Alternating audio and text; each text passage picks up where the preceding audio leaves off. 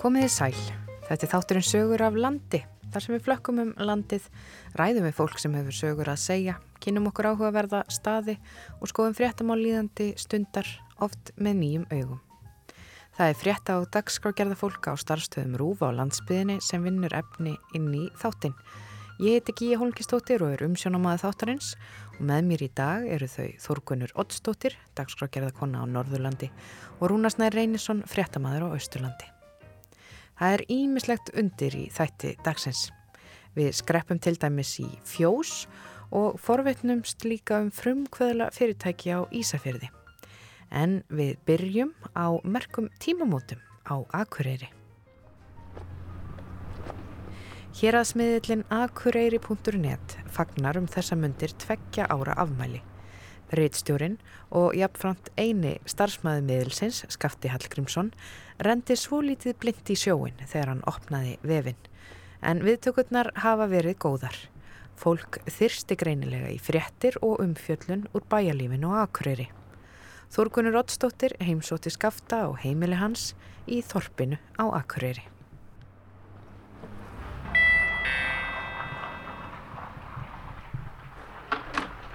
Góðan daginn. Ertu velkomin? Takk ég fyrir. Er þetta skrifstofa Akureyri.net? Já, þetta er höfustöð. Höfustöðarnar, auðvitað, hvernig læt ég? Hér er það sem hlutinni gerast. Þetta er, er svona með minni rýtstjórnar skrifstofum landsins, vantarlega. Ég ger nú ekkert á fyrir því sko, en hérna, en hérna, það er bara hlugst. En þú ert bara með útsýni hérna yfir Þorspöllin, þannig að þú getur verið með bara beina textalýsingu svo að þið leiðilt veður, þá er ég með bara stóru linsuna sko, þú veist, Já. get ég verið hérna sko, ángríms. Að hverju ertu að vinna núna? Nú er ég nú bara, ég, sko, ég er alltaf að vinna mörgu, ég þannig, er stróðslega gott að vera mörg í átnihjöldinu, Já, mjög mörg helst, og nú er ég nú bara að gera hérna, skrifa litla frétt úr tilkynningu. já, Þegar þessi dagur er eins og allir aðrir, að þegar ég vakna, þá veit ég ekkert hvað ég eftir að gera í dag. nei. Ég er nokkuð vissið að ég eftir að svara mjög til síman, Mhm, sitja lengi við tölvuna, mhm. taka sennilega slatta myndum, en meira veit ég ekki, ég veit ekki nánar. Nei. Það er svona fæsta dag. Já. Þegar ég byrjaði þá heldur menn að ég var í orðin í þessu 90.000 manna samfélagi þá gerðist aldrei neitt. Það var ekki mögulegt að halda út til lifandi vef. Mhm, Nú er ég búinn að vera í tvö ár, tæp, en hún er miðan nómber, eru tvö ár. og að meðaltali hafa byrst á hverjum einsta degi 7,7 greinar. Jóladag, páskadag, úst, alla daga að meðaltali. Já, meðal, já, einmitt. Og allar helgar, ég fjallum íþróttir strax til dæmis að mm Mhm. um helgi, þá var það bara að fælla um það, Já. tek myndir og eins og hægt er og Mhm. skrifa, þannig að það er ekki mikið um frí. En ég vissi það, það er svona, sko, aldrei fríður Já, pípi síminn. að, að ég ætla, ég vissi að þetta er svona, ég ætla að gera þetta svona til að festa veðin í sessi, það verður þetta Mhm. mikil vinna, nú eru tvö ár og þetta er náttúrulega hefur verið rosalega mikil vinna, en traffíkin er líka alveg ævintýralega orðin. Í gær og svona tiltöla vennu degi þá góður tíu þúsund heimsóknir. Það er bísna gott. Ég það er býstin gott Já. og vefin er lesin óbúslega mikið utan akkurar. Akkuræringar til dæmis í ellendis segja við mig margir bara yes eða má sletta í Mhm. ríkisústöfinu opinn gluggi heim. Já, Það ég fjallum svo margt sem er ekkert í Mhm. stórum. Í síðasta mánuði, semst í oktober og í september líka voru yfir 50.000 gestir, 50.000 ypjartölur Mm, sem já, kom inn. vá. 1,1 miljón flettinga, þetta er eiginlega alveg æfintarlegt, ég Já. trúi þessu valla en mínu menn í tækninu sögðu þú verður að trúi þessu, Google Analytics kann ekki að ljúa ekki það að ég sé einhverju samkeppni þannig, ég er bara minni blæmi sko núna á alla tíð. Ég vil gera vel, vanda mig segja eins satt og rétt frá ég get vera, já, bera virðingu fyrir sko viðfangsefninu og lesandanum auðvitað. Mhm. og sjálfur mér með því að segja eins satt og rétt frá ég get. Og, og það er svona mín motivasjón eiginlega miklu frekar en að vera í samkeppni við einhvern annan Já. það er alltaf verið þannig Eh, Ég heyri að síminn stoppar ekki. nú Er, er, er, er, sko, er fólk svona duglegt að, að hafa samband? Og, Já, veistu Já. bara eiginlega um leið og ég byrjaði já, það þótti mér rosalega vænt um það að fólk, sérstu, fólk að fara að hringja bara að hafa samband alveg í stórum stíl já, bara strax. Já, Já. bara strax og ef að eitthvað gerðist þá eins og eitt saði mér bara nánast strax þá fór hann inn á akkuri.net ef það var ramastust í bænum eða eitthvað var hérna hvað, akkur er þetta svona? Fór inn á gá. En það sýnir þá kannski að það hafi verið eh, já, vöndun á svona miðli. Já, sko, mér fannst það og það kom í ljós að fólki fannst það líka. Lifandi miðill sem er já, bara sprell lifandi alla daga. Það er kannski, þetta er ekkit ekki til eftirbreytni, ég veit það en ég hef alltaf unnið opbúrslega mikið ég hef verið í blaðan sko 40 ár, datt inn í þetta nánast óvart og fekk þessa allræmdu bakteríu Mm. og þetta er það sem ég vil gera Mhm. og, og hef opbúrslega gaman að því ég svona stundum segja að maður nú sennilega ekki fara langt sko en mér finnst ég eiginlega aldrei hafa farið í vinnuna skilur hvað ég er að Mm. minna ég er bara, ég er svo gaman að þessu Já. það fer ekki hátt heldur að ég hef ekki tekið mér einn einasta frídag í raun þannig, ég er búin að fara nokkur sinnum sennilega þrís og fjóru sinnum viku og viku burtu. Mhm. til dæmis þegar ég var 60 í bóra fóru við hjónin til Ítalju hún var í fríi og ég var með tölvuna. Hún er bara, hún er vönið þessi. Ég Já. kíkja hún stundu hérna nýju stofu á kvöldin og gáði hvort hún sé ekki örgulega búi ekki það hérna. En, en hún eh, hún er vönið þessu og, og við eigum tíma oft saman, náttúrulega við ímislegt en þannig að þú slekkur ekkert á símanum. Nei, eins og heyrir, slekki aldrei á símanum. Það er þannig sko að ég segi við þá stundum sem sögðu að að það væri vonlust að halda út í svona vef hérna því að gerist ekki neitt. Mhm. Ég kemst ekki yfir allt sem að mér langar að gera.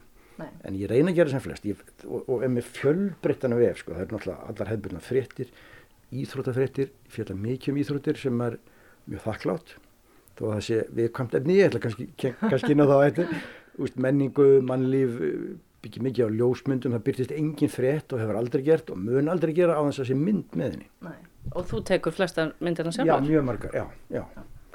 Ég er sko blaðamaður skástarík ljósmyndari, svona, þú veist, fotojournalist. Ég var, var í grunninn er ég, ég blaðamaður. Já.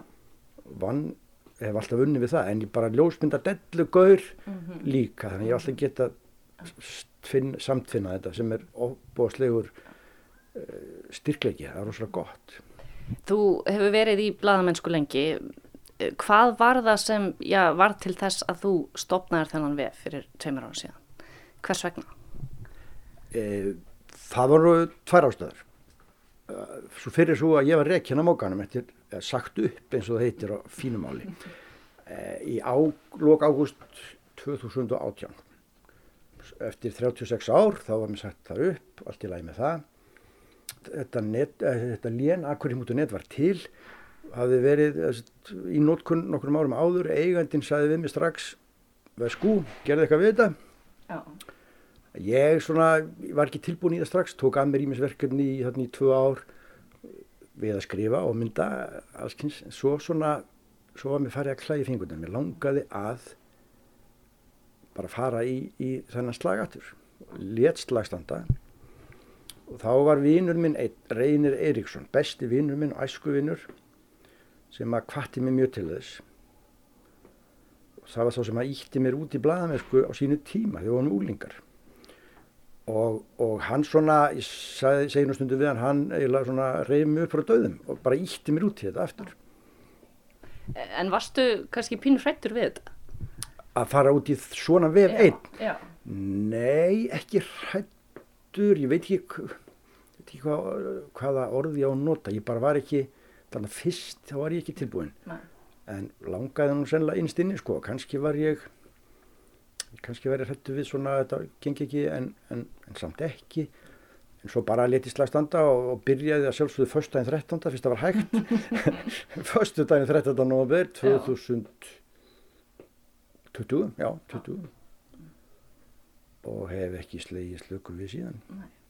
Og hefur þetta kannski, já, hreinlega gengið betur en þú þorður að vona? já, ég raun miklu betur. Ég, ég, ég reyndu þetta alveg blint í sjóin algjörlega, gera mér enga grein fyrir en þetta var bara of svona einhvern veginn spennandi að prófa En það er ekki nóg að einhverju séu tilbúinir til þess að lesa fréttina sem þú skrifar, það þarf einhvern veginn að uh, borga launin þín. já, já, Um, eru auglisendur duglegir að kaupa auglisengar? Það er að aukast já, sem betur fer. Byrjaði svo sem alveg ágætlega. Mér er sagt að ég þurfa ekkert að kvarta miða við svona uh, kannski sambarlega miðla. Það er orðið svolítið um það, menn semst, ég þarf ekki að, eða einhverja mínum vegum að, að sko byggjum auðlýsingar eða grenja út auðlýsingar. Menn er að hafa samband að fyrirbæra, ekki síst fyrirtæki í Reykjavík eða fyrir sunnan.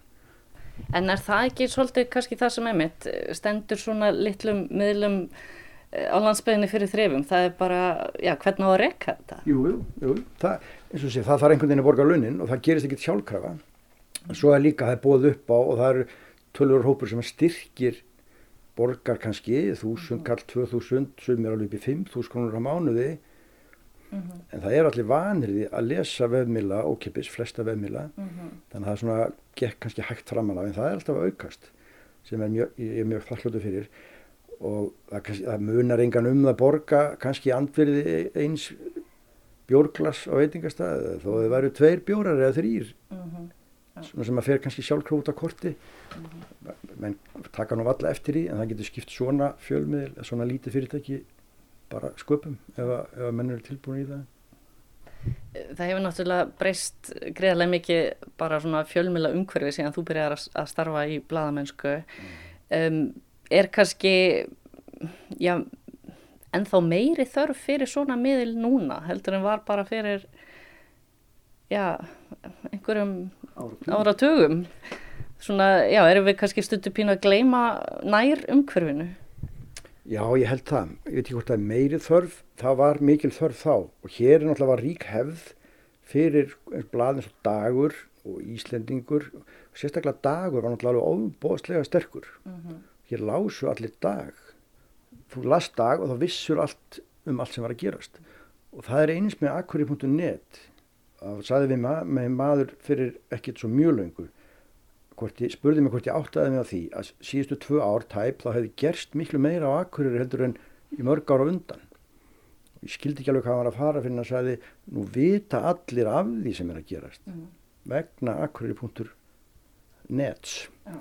og þetta er skiptið miklu máli held ég þessir svona lokal fjölmiðral eða umfylgur um nærumkörið skiptir rosalega miklu máli. Fyrir fólk bæði íbúina hér og þá sem er annars þar áhuga menn um akkurir eða um hvaða, hvaða stað sem er eða sterkur fjölmiðl á staðnum. Ég held að skipti alveg óbúslega miklu máli.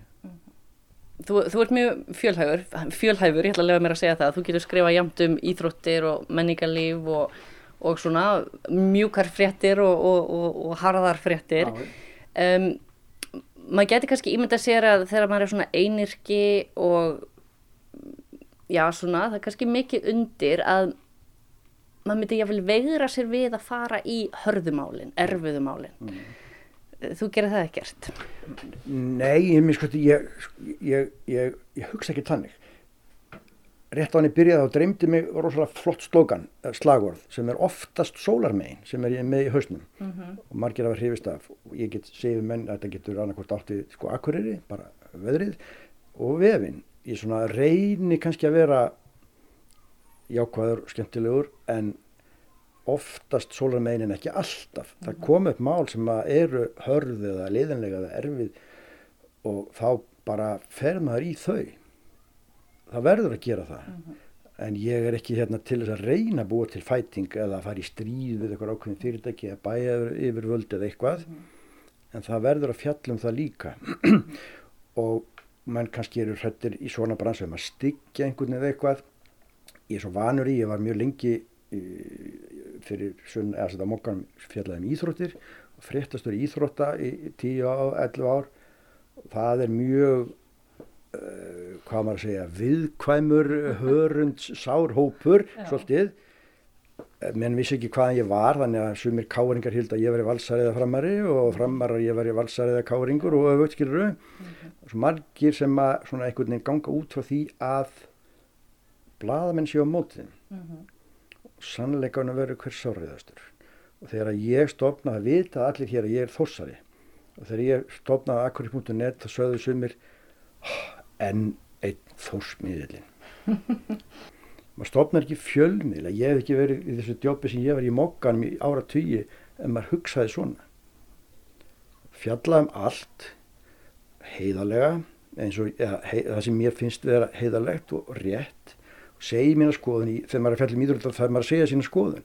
Og þó að ég sé nær fjölmiðill og ég, hef sagt af íþróttamenn hérna ef að lið eða einstaklingur stendur sig illa þá segi ég það. Ef að stendur sig vel þá segi ég það líka og auðvitað eru menn sammála að þetta þarf að vera svona. Ef ég fer að ef ég, ef, ef ég segi sko, segi þetta ekki satt þá hætti allir að taka mark á þér. Og þá getur bara hætt. Og ef menn þór ekki að segja sannleikan hvort sem íþróttum eða fjalla taka fyrir einhver erfið mál hafi, hafi ekki nógu breytt bak eða sterk bein til að taka þá gaggrinni þá bara snúum eins og einhver öðru þá ert í annari vinnu. Mm -hmm. og svona í nærumkvefi í svona fjölmili þá er geta komið upp mjög skrítnar aðstæður erfiðar. Ég til dæmis, ég skrifa andlásfregnir um þekkt fólk í bænum. Hvað það bara snemma og ég byrti líka minningunir ef að þekkt fólk í bænum fellur frá þá skrifa ég um það frétt. Og sem að er mjög gott og, og þetta er bæðið það og minningarinn þetta er þakklátt efni. Mm -hmm. ég er einn og núna tæpu ári hef ég skrifað mjög tvær mjög svona já ég skrifa meðal annars tvær andlasverðnir sem eru mjög sérstatt fyrir mig að skrifa því að það var um fólkdra mína mm.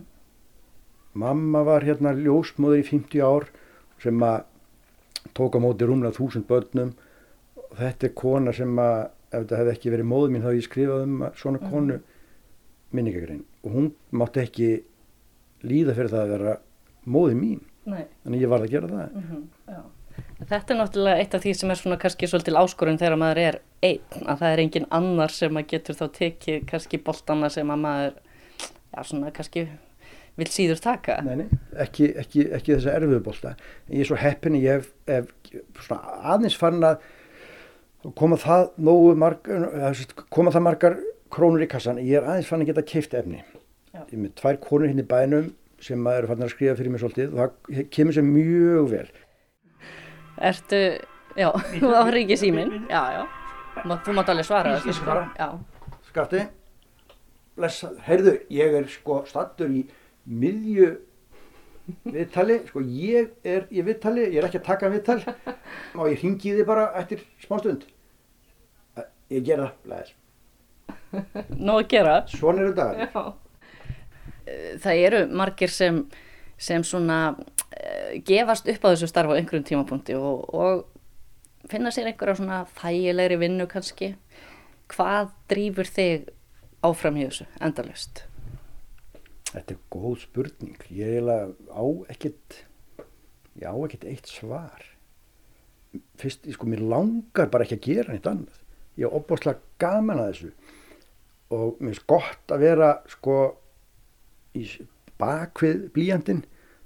Ég er mjög lítið fyrir að vera að trana mig sjálfur fram. Ég vil ekki vera áberendi. Ef ég er ljósmyndari þá er ég helst svona, ég læriði það mínum góðu vinum, sumum á mokkan. Maður er bara svona í felum ósýnileg fluga mhm. fylgist með ég, ég hef einhver, einhverja þörf fyrir þetta þó ég hafi dott inn í þetta óvart þörf fyrir að skrifa, segja frá, segja sögur byrta myndir og svo ég bara ofsalega gaman að þessu, það er svona stuttasvarið og eins og þú segir, ef þið langar ekki að gera neitt annað, þá hlýtur þú bara að vera á réttri hillu. Já, já, þetta er eina hillan sem að, sem að ég vil vera á. Já. og þetta er þannig starf að ég hætti aldrei að hugsa um vinnuna. Alltaf á útkíkinu. Og hér þegar menn sögðu líka að sko hér gerist ekki neitt maður kannski bara snúa sér í hálfring þá sérðu frétt. Mm. það er ekki heimsfrétt endilega. Hér er ekki sko brýst ekki heimstyrjöldin brýst ekki út á akkurir á hverju mennsta degi. Hér er alltaf eitthvað að gerast. Mannlíf, menning uh, er bara að svona ákveðin kunst að sjá fréttinnar En þessar frettir skrifa sig ekki sjálfar, ég, ég get ekki hérna, haldið þið frá vinnu hérna í allan dag, þú verður að fara að gera eitthvað eða ekki? Jú, ég hérna, ég, ég, er ansið snöggur. Oh. Ein, einhver tíma kom hérna einhver dóttir, nei einhver vinkona dótturinnar heim með einu skólan og fyrsta spurningin var, er verið að poppa? Þá var ég á liklaborðinu og ég skrifa, ég skrifa svo rætt. En nei, nei, þetta skrifa sér ekki sjálf. Nei, nei, þú verður að dæla þessu út. Ég ætla bara að leifa þér að fara að vinna. Takk fyrir spjallið, Skefti Helgjörnsson.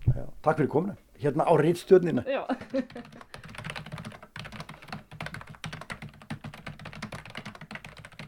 Frá Akureyri er ferðinni heiti til Ísafjörðar.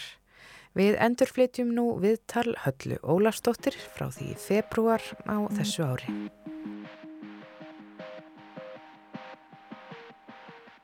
Fyrirtæki Keresis hefur getið af sér gott orð fyrir að framleiða vörur úr þorskróði sem eru notaðar á þrálát sár og brunasár. Fyrirtækið hefur vaksið rætt en hefur frá upphafi verið með starfsemi á Ísafyrði og þar starfa fólk, reyndir ekki margt, sem hefur tekið þátt í þróuna vexti fyrirtækisins frá byrjun. Ég heiti Dóra Hlín Gísladóttir og ég er þróunarstjóri hjá Keresis. Já, þú ert búin að vera svolítið lengi hjá Keresis, þú ert búin að vera frá næstu upphafi eða jafnvel upphafi. Bara alveg frá upphafi. Já, Ég er bara búin að vera einn alveg frá byrjun. já, og á Ísafyrði. Á Ísafirði, já. Ég er með mína starfstöð hér, hef lengst af búið hér, fór og var í tvö ár að vinna hjá Keresis í Bandaríkjanum í starfstöðun ekkert þar og er núna komin, reyndar unni líka í starfstöðunni Reykjavík í hálft ár og núna komin aftur til Ísafirðar. Já. En hvernig fór þetta af stað? Það voru nokkur frumkvöðlar sem höfðu uh, unnið bæði, unnið með mikið með sjáarfang og svo unnið í sárahemnum og fengu þessa tengingu að nota róð til uppbyggingar í mannslíkamannum. Róð er ekki svo ólíkt, þetta er húð eins og mannshúðin og það að nota þetta gull sem fiskurinn okkar er í lækningauriðnað var í rauninu þá bara eitthvað sem við ákvaðum að prófa ákvaðum að skoða uppbyggingun á róðinu, fara í að þróa, sjá hvert við kæmumst með þessa tækni, skoða vefja uppbygginguna og svo auðvitað hvernig sárin bregðist við. Já. Þú kemur inn í þetta þarna bara strax í upphafi. Hver er svona þinn bakgrunnur? Ég er efnaverkræðingur og hitti þá frumkvölana snemma í, í, í hugmyndaferlinu og þeir kynna fyrir mér þessa hugmynd sem er auðvitað stórkostleg og, og spennandi tækifæri. Þannig ég ákveð bara stökk á vagnin, um, settist niður með þeim og tók þátt í að skrifa umsótt til Teknithrónusjóðs sem við fengum. Og strax í kjölfarið var ég ráðinn til starfa til að þróa. Og mér fannst þetta kannski bara, er það ekki líka ævintýragetni, spennandi tækifæri, hugmyndum að maður gæti færð að gera gott, þú ert að bæði ert að nýta sjávarfang, þú ert að nýta þetta sem við þekkjum svo vel, þetta var tækifæri til þess að auka nýtingu úr fiskinum, taka eitthvað sem var áður vannýtt, tækifæri til þess að gera gott, tækifæri til þess að hjálpa fólki og ég held að mér hafi bara fundist hugmyndafræðin að öllu þessu mjög spennandi. Já. Og þetta hefur heldur betur gengið upp.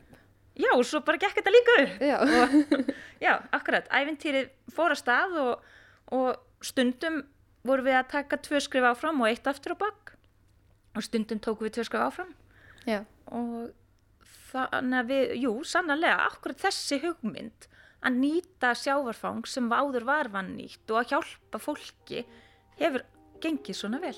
Já. Þegar þið byrjuðið í upphafi, hvað voru þið mörg? Það er þarna í lokast 2009 sem við erum að byrja og þá eru það þarna frumkvölarnir sem að höfðu reynslu. Það eru Guðmundur Fertram, Hilma Kjartansson, Baldur Tumi Baldursson með engalega lögfræðingi með sér já, og, og Baldvin Björn, lögfræðingur.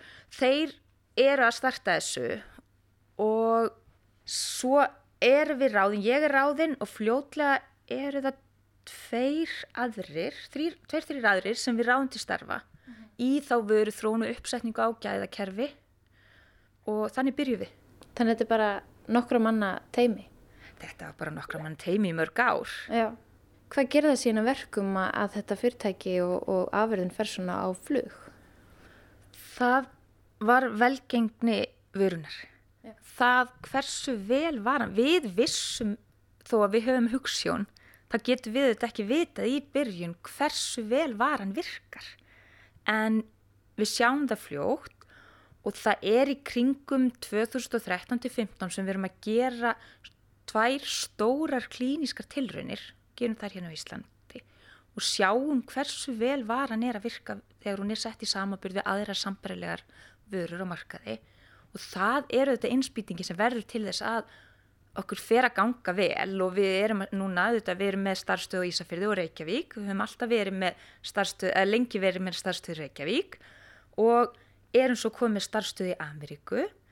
Og fyrir nokkrum árum keiftu við líka lítið fyrirtæki, sambaralegt fyrirtæki sem var að framlega sárasprei, þróa framlega sárasprei úr óljum í Sviss, þannig að við erum með starfstöð í Sviss líka.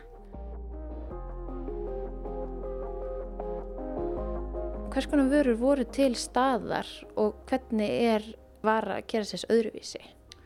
Það sem að allar þessar vörur, sambarilegur vörur við okkar, okkar eru að reyna að svona herma, má segja, er mannshúð.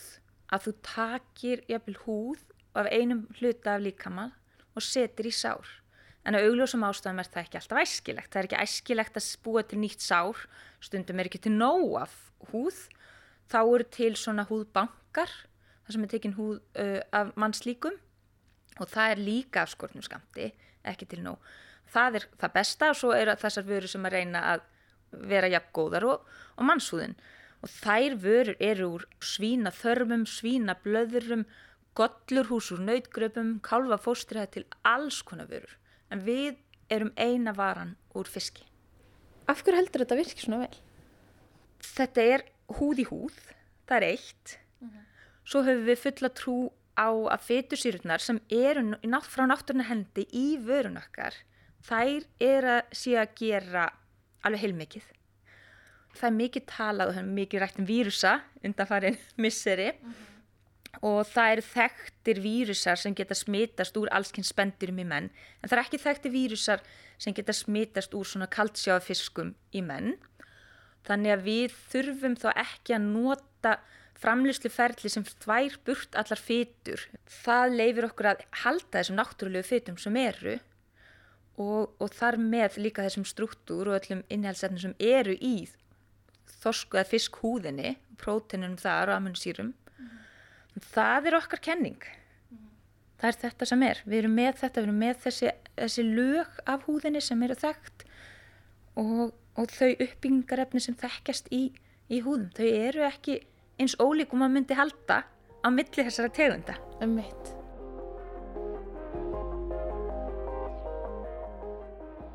Hvar eru við staðar?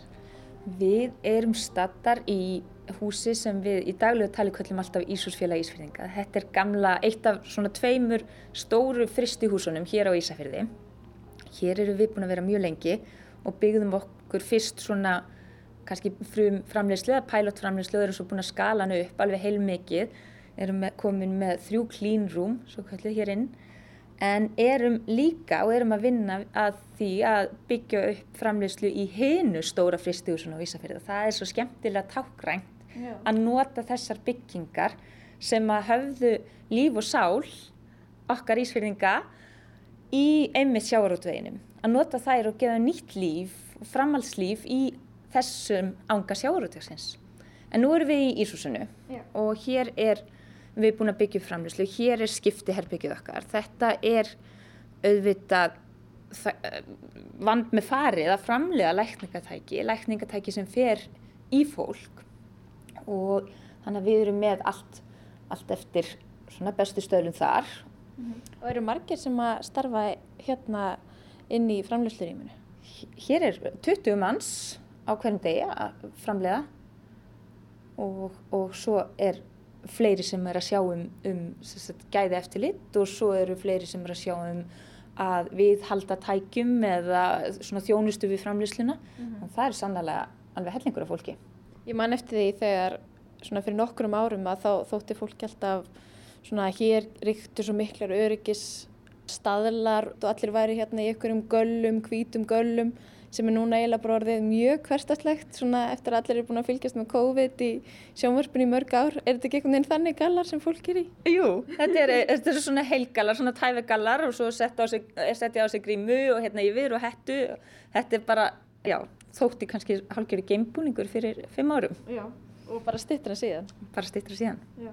Hér eru við að horfa bara inn í svona skipti herbyggi og hér fer fólki í kvítugallana hér fyrir fólk, já.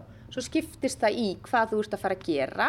Þannig að við erum með mismunandi rými og við erum líka með mismunandi áhættustig af eftir því hvort að varan er, hvort það er búið að pakka eða, eða ekki og hvað stað varan er.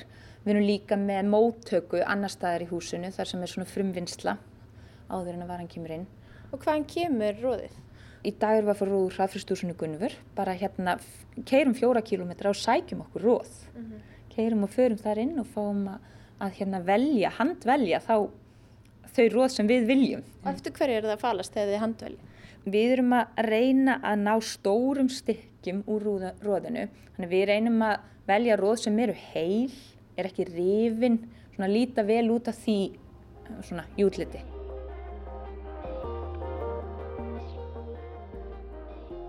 En í hvers konar sár eru þau helst að nota kersisvörunar í dag? Þetta hefur, að má segja, útvíkast með árunum.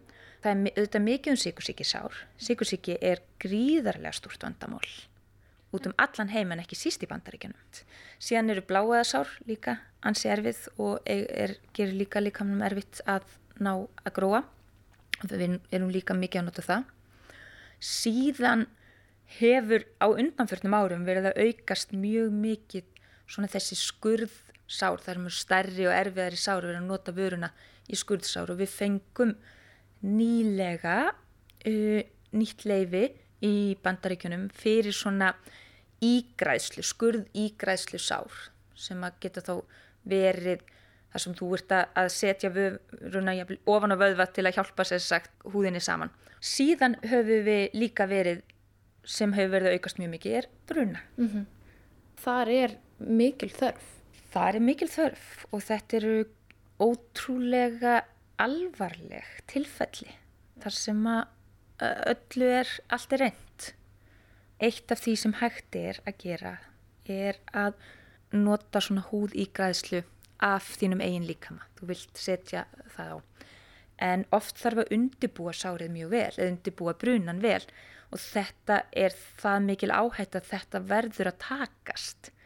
Og þá er eitt sem er, hefur verið gert ok með okkar vöru er að hún er sett á fyrst og nær þá að undibúa betur þannig að þegar þú tekur húð annar staðar af líkamannum þá er það líklegri til að taka. Það er eitt mjög mikilvægt skref.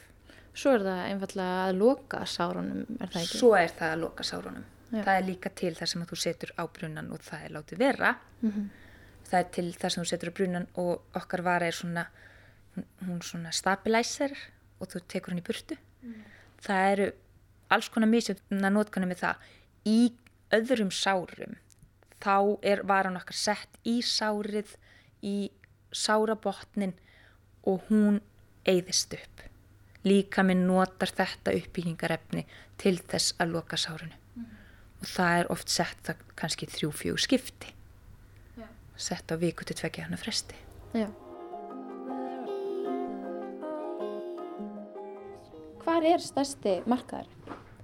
Bandaríkin er stærsti markaðurinn okkar. Þar eru þessi efni svona úr dýraríkinu, þau eru þekktust þar. Þeir hafa lengi verið að nota svona veru á meðan að þetta hefur kannski verið að koma setna til Evrópu og Asíu. Þannig að þá þekkja þeir þessa tækni og, og eru móttækilegri. Takk kærlega fyrir spjallið Dóra Hlín Gísladóttir og takk fyrir að taka á mótið mér hér í Ísúsfélaginu á Ísafyrði þar sem Kersis er með starfsemi. Takk fyrir.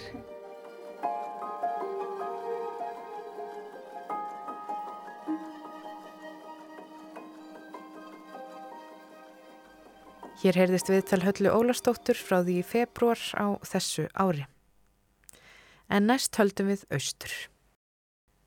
Mikla framfarir eru að líta dagsins ljós í fjósum landsins þessa dagana. Kúabændur eru að taka í notkun nýja tækni sem á eftir að hraða mjög kynbóta starfi. Framvegis verður erðaefni úr kálfum látið svara því hversu vel þeir henda til undaneldis. Herdís Magna Gunnarsdóttir, kúabúndi á eigilstaðabílinu, er velin í þessum málum en hún er varaformaður bændasamtaka Íslands og formaður búgreinadeildar nautgripabænda. Rúnarsnæ Reynisson röldi í fjósið til Herdísar.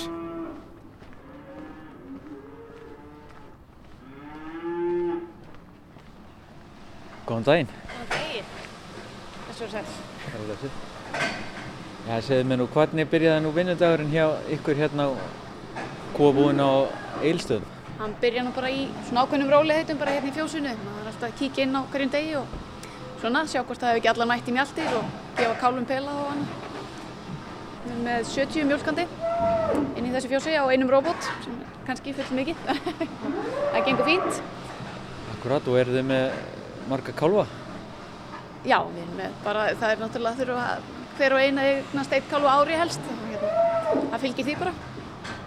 Já, þessir yngstu, þeir eru að fá brott hérna fyrstu dagina, þá fá þeir pela og hérna, svo flytist þeir yfir og eru á fóstru, þá fá þeir bara aðgang og geta farið allan sólarvingi, fengið þrjálfsson aðgang að mjölk.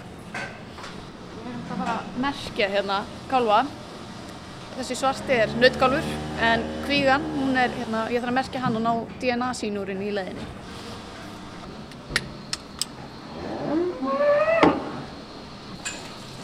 Þú smellir merkinu bara í eirall? Já, þetta er bara eins og þegar við fáum okkur einn að lokka, sko, svipa.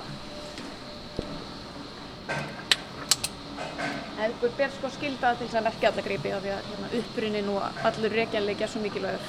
Nú er ég að fara að merkja hana Lísu. Það er auði kálfun, hún er kvíða, það er stelpa. Og hérna, hún far eitt svona vennilegt merki, einn svona auðkálfur hún. Svo hérna við hliðina er ég með þetta DNA-merki. Það tekur sér sett sínum leið og ég stingri í eira, þá tekur það DNA sínu og svo smelli ég því í þennan sínatöku vögva. Svo setjum við það í hérna, kassa hérna í mjölkurhúsi og mjölkurbílstjórun tekur það áfram og fer með til greiningar. Í DNA-greiningu. Akkurat. Og þetta er nýjung uh, í uh, nautgreiparæktunni það ekki að nota DNA? Algjörlega, þetta er hérna ofbáslega spennandi tíma sem við erum að upplifa. Þetta er náttúrulega eitthvað sem var talið bara ógerlegt fyrir bara örfum árum síðan. En tækninni hefur bara fleikt svo ofbáslega fram þannig að þetta var gerlegt bara fjárhagslega og tímalega séð. Og hérna við erum bara að raunin að upplifa ofbáslega merkileg tímamót í kynbótabara-starfi á Íslandi, ekki bara í nautgreiparækt en heldur bara búfjárrækt á Íslandi. Og hvernig virkar þetta? Þetta er rauninni snýst um það að það er bara rauninni verið að greina DNA eða erðamengi stoppsins og það er búið að tengja það rauninni við já, ákveðna litninga eða gen eða ákveðna eiginleika sem við viljum rækta fyrir. Og með þessu móti þá í rauninni eins og þetta hefur verið kynbótastarfi þá hefur það verið þannig að við höfum þurft að, já kálfurinn þarf að fæðast, hann þarf að verða naut, hann þarf að gefa um sér sæði, svo þarf að koma sæði í kúna og hún þarf að eignast kálf. Svo dæmum við kálfana eða því að þeir eru orðin kýr að hérna hvernig þeir þeim reyðir af og hvernig þeir standa sig. Þannig að þetta eru ætliðabilið kannski verið já, sjö ár eða lengri tími jafnvel. En núna í raunin þegar kálfurinn fæðist, bara leið og ég er búin að smetla merkinu og senda það suður, þá veit ég hversu efnileg hún lýsa verður. Þetta lítur að flýta mikið fyrir. Þetta er bara, við vorum bara stíðið búið einhverja.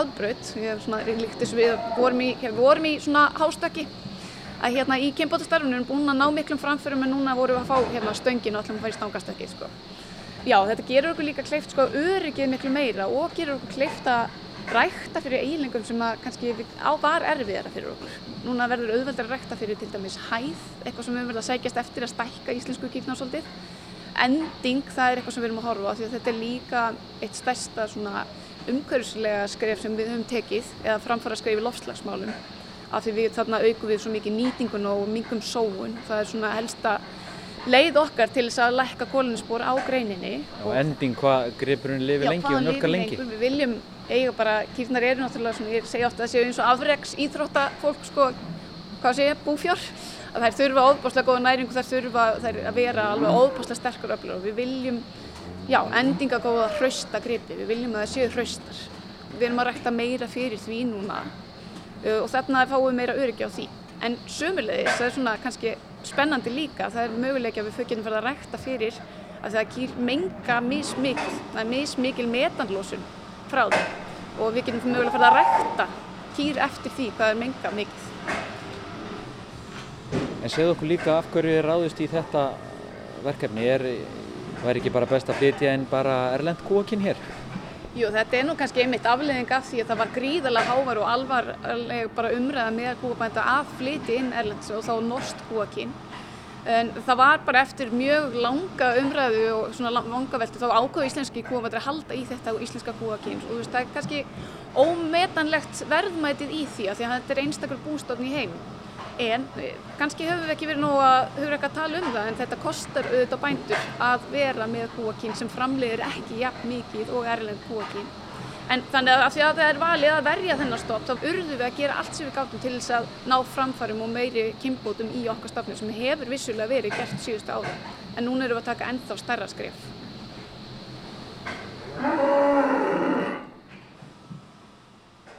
Já, það er ímislega spennandi að gerast í þessari þróun í, í nautgreiparæktinni en, en greinin hún er líka glíma við ákveðin erfileika og, og verðhækkanir og þið hafi nú verið að bregðast við því hérna búinu það ekki? Þið farin að rækta eitthvað sem þið gerðu ekki áður? Já, auðvitað bregst maður við því. Nei, ég kannski segja ekki að við sem ekki rækta eitthvað sem við höfum ekki gert áður. Við höfum stjórnundað kortrækt lengi en við erum að gefa í og höfum verið að bæta við svo hektra fjölda í því.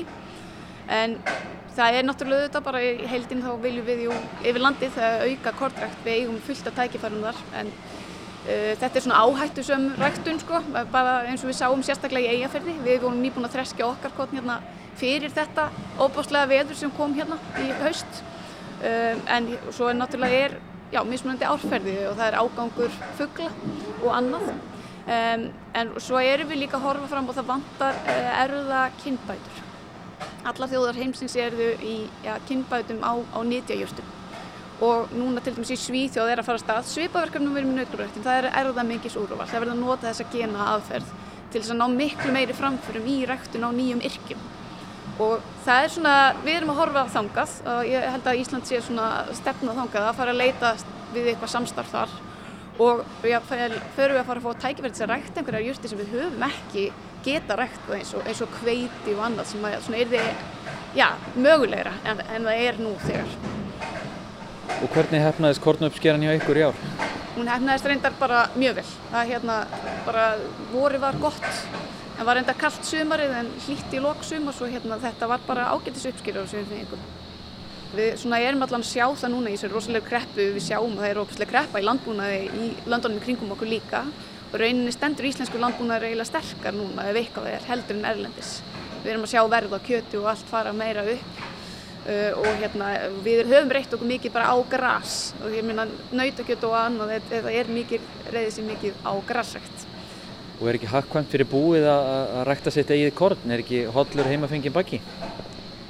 Jú, það er að vissu leiti en þetta er alltaf þessi áhætta eins og ég er að segja með árferði og annað en klárlega þá er það stefn okkur við verðum að vera já, sjálfbærari, við verðum að, ég ætla bara hérna, þó ég sé bjart sín að vera bara raunsæ held ég, verðum aldrei alveg sjálfbær en við erum klálega að fara að verðum frá stíga skrifi að vera sjálfbærir og það er svo óbáslega mikið tækifæri sem eiga að liggja inni í kortræktinni. Uh, en við erum allavega eins og er, til dæmis fyrir mjölkukýrna, við erum ákveðið háð mægis og ég held að við séum mjög langt frá því að fara að rækta mægis sjálf. Þannig að það er sko, kortin er ekki bara kort, þegar við erum að tala um kortrækt og Ísland þegar við erum yfirleitt verið að tala um bygg. En það er svo margt annað, það er kveiti og það er mægis og annað sem að, er saman blanda í þessu kjartfóðri sem við erum að gefa kúnum okkar. Þannig að við þurfum alltaf að flytja eitthvað af þessu korni inn, einhverja tegundir sem ekki dafna á Íslandi. Já, en bara eigum svo mikil tækifæri að hérna, gera miklu minna af því. Og sömulegis eru við náttúrulega að horfa til ábyrðarmálana líka. Ég held í rauninni þar eigum ennþá stærri tækifæri að vera alveg sjálfur um ábyrðarframlegsli. Við erum að sjá hérna, nú er landeld í þóllagsöfn að skoða aðferðir, það er alltaf að fara að rauninni að búa til já, áburð af því að það kemur svo mikið sem fellir svo mikið til þar, seira og annað sem er fósfórík, eitthvað sem er skortur af í hennum. Fósfór er aðalega inn í Rúslandi og Úkræni, þar eru þær námur fyrir fósfór. En við eigum alveg fullt af fósfór í þessum, já við erum að horfa meira á þetta hringrásar hagkerfi og það er bara vel mögulegt og það er í rauninu viljaðið að fara í samstarf með bændum að fá í rauninu búfjár áburð og þessa seiru og blanda saman búa til, já þetta er svona lífkól heitir þetta. Og þá getur þau svo selt ábyrðin aftur til bænum og við þurfum að nýta allt. Það er svo ofbáslega margt sem fellur til bara allstaðar í kerfinu. Heyrðu, eigum við að kíkja aðeins hérna á kíknar hérna, segðu mér hérna er ekki best að ég fá með stígvel áður en við vöðum lengra inn í fjósið? Skal lána þig stígvel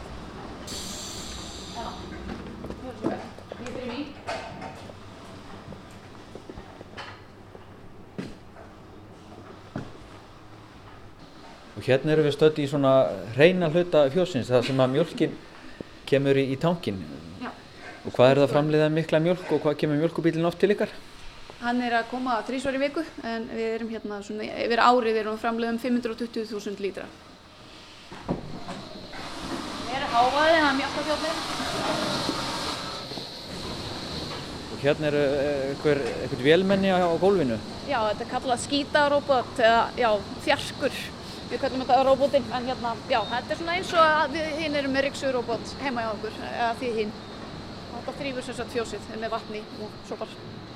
Og hérna er einn kýr, liggur hér makindalega og þessi kýr er, er fræg eða, eða vakti aðtikli hér fyrir nokkrum árum. Uh, já, hún er nú, nú langa sögu, hún hérna einhvern veginn nær sér í aðtíkli með fyrir rýmislegt. Hún fættist hérna sagt, uh, nóttina áður en að Dorrit og Ólafur kom í heimsók fyrir mörgum árum síðan. Þannig að hún fekk þetta nafni Dorrit. En svo hefur hún bara komið í ljósið þetta er alveg æðislega kýr og einmitt mjög endingagóð og rosalega heilsurhaust. Stór karakter og hérna síni mínu kalla þetta drottninguna í fjósinu. Þeir liggja hérna á klappinni alla daga þegar þeir koma í fjósið. Hún hefur átt fjölda kálfa og einn af þeim er einn af þessum kálfum sem að, já, var valinn eftir erðamikisúrvalið þetta nýja var keirt. Hann heitir sem sagt Samson og þetta var, hann fættist þarna á Þorláksmessu 2019. Þetta var eitthvað svipum tíma og Dorrit var að klóna Sám, hundin sinn. Dorrit sem sagt fórsetabrú. Og hérna þannig að þess vegna var hann skýrður Samson og hann hefur verið valinn. Eitt af þessum efnilegustu nautum núna en svo getur það bara breyst mjög hrættu auðvitað. Þannig að DNA rannsóknin er að leiði í ljós að hann, hann Samson, Dorritarsson, hann er ansi efnilegur. Já, hann er allavega einn af þeim sem var valinn núna, já. Einn af þessum, hvað var það, 20 eða 22 naut sem voru valinn sem efnilegust til framræktunar núna. En svo er þetta keirt svo reglulega og mun breytast hrætt. Þannig að við bara býðum og sjáum hvort að hann fá að halda áfram. Já, þær eru mjög áhuga samar um upptökutækið mitt hérna aðeins byrjar að naga snúruna. Já, þær eru ekki hrettar við gesti eins og er stundum, sko, en það er ekki mandamál hér. Það er hérna, er full ágengar stundum kannski. Það er hérna, þetta er náttúrulega yndislega skemmtur og smá fórréttnindi að fá að vinna með þeim hérna alla daga. Þeir eru rosalega þægilegar skemmtur að umgangast. Hverjar eru nú svona helstu framfæriðnar í fjósunum þessa dagana? Eh, Það orðið bara greiðlega framfæri náttúrulega síðustu ár. Eh, Á síðustu 30 árum hefur hérna hafa nýtt mjölkubúa tvöfaldast. Eh, Þeir eru núna rúmlega 6.000, það voru um 3.000 á snittin sem sagt, lítur á ári. Og svo hefur náttúrulega bara orðið svo mikil uppbygging. Við eigum hérna heimsmet Íslendingar í hlutfalli fjósa eh, sem er með mjöltafjörn. Það er hvergi annars þar jafn hátt hlutfall, þetta er minni mig orðið 65% fjósa eru með mjöltafjörn og lausagöngu. Þannig svona velferðin og hérna tækniframfærin eru gríðarlegar.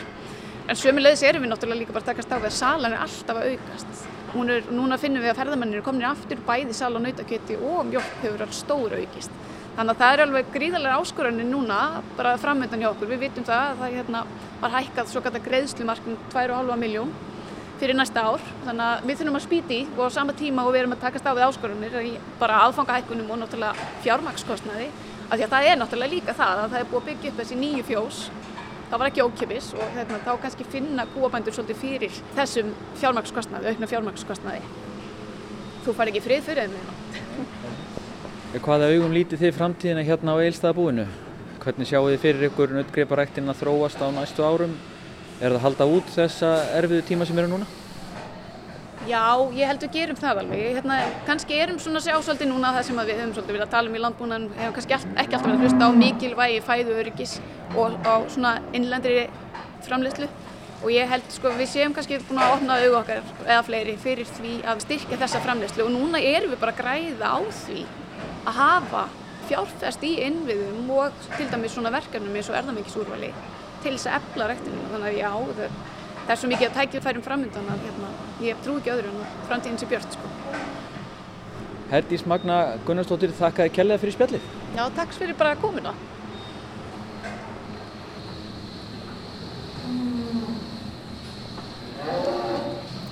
Eftir þessa fínu fjósaferð er komið að lokum í sögum af landi í dag. Viðmælendur í þættinum voru þau skafti Hallgrímsson, bladamadur á Akureyri, sem fagnar um þessa myndir tveggja ára afmæli hér aðs fréttamiðilsins akureyri.net. Einning var endurflutt viðtal Höllu Ólafsdóttur við Dóru Hlín Gísladóttur sem starfar sem þróunastjóri fyrirtækisins Kerasis á Ísafyrði. Og nú síðast var rætt við kúabóndan Herdísi Mögnu Gunnarsdóttur, bónda á Egilstaðabílinu. Og við minnum auðvitað á að þennan þátt og eldri sögur á landi má finna í spilara rúf og öðrum hlaðvarpsveitum. Við þökkum þeim sem hlýtu. Lifið heil.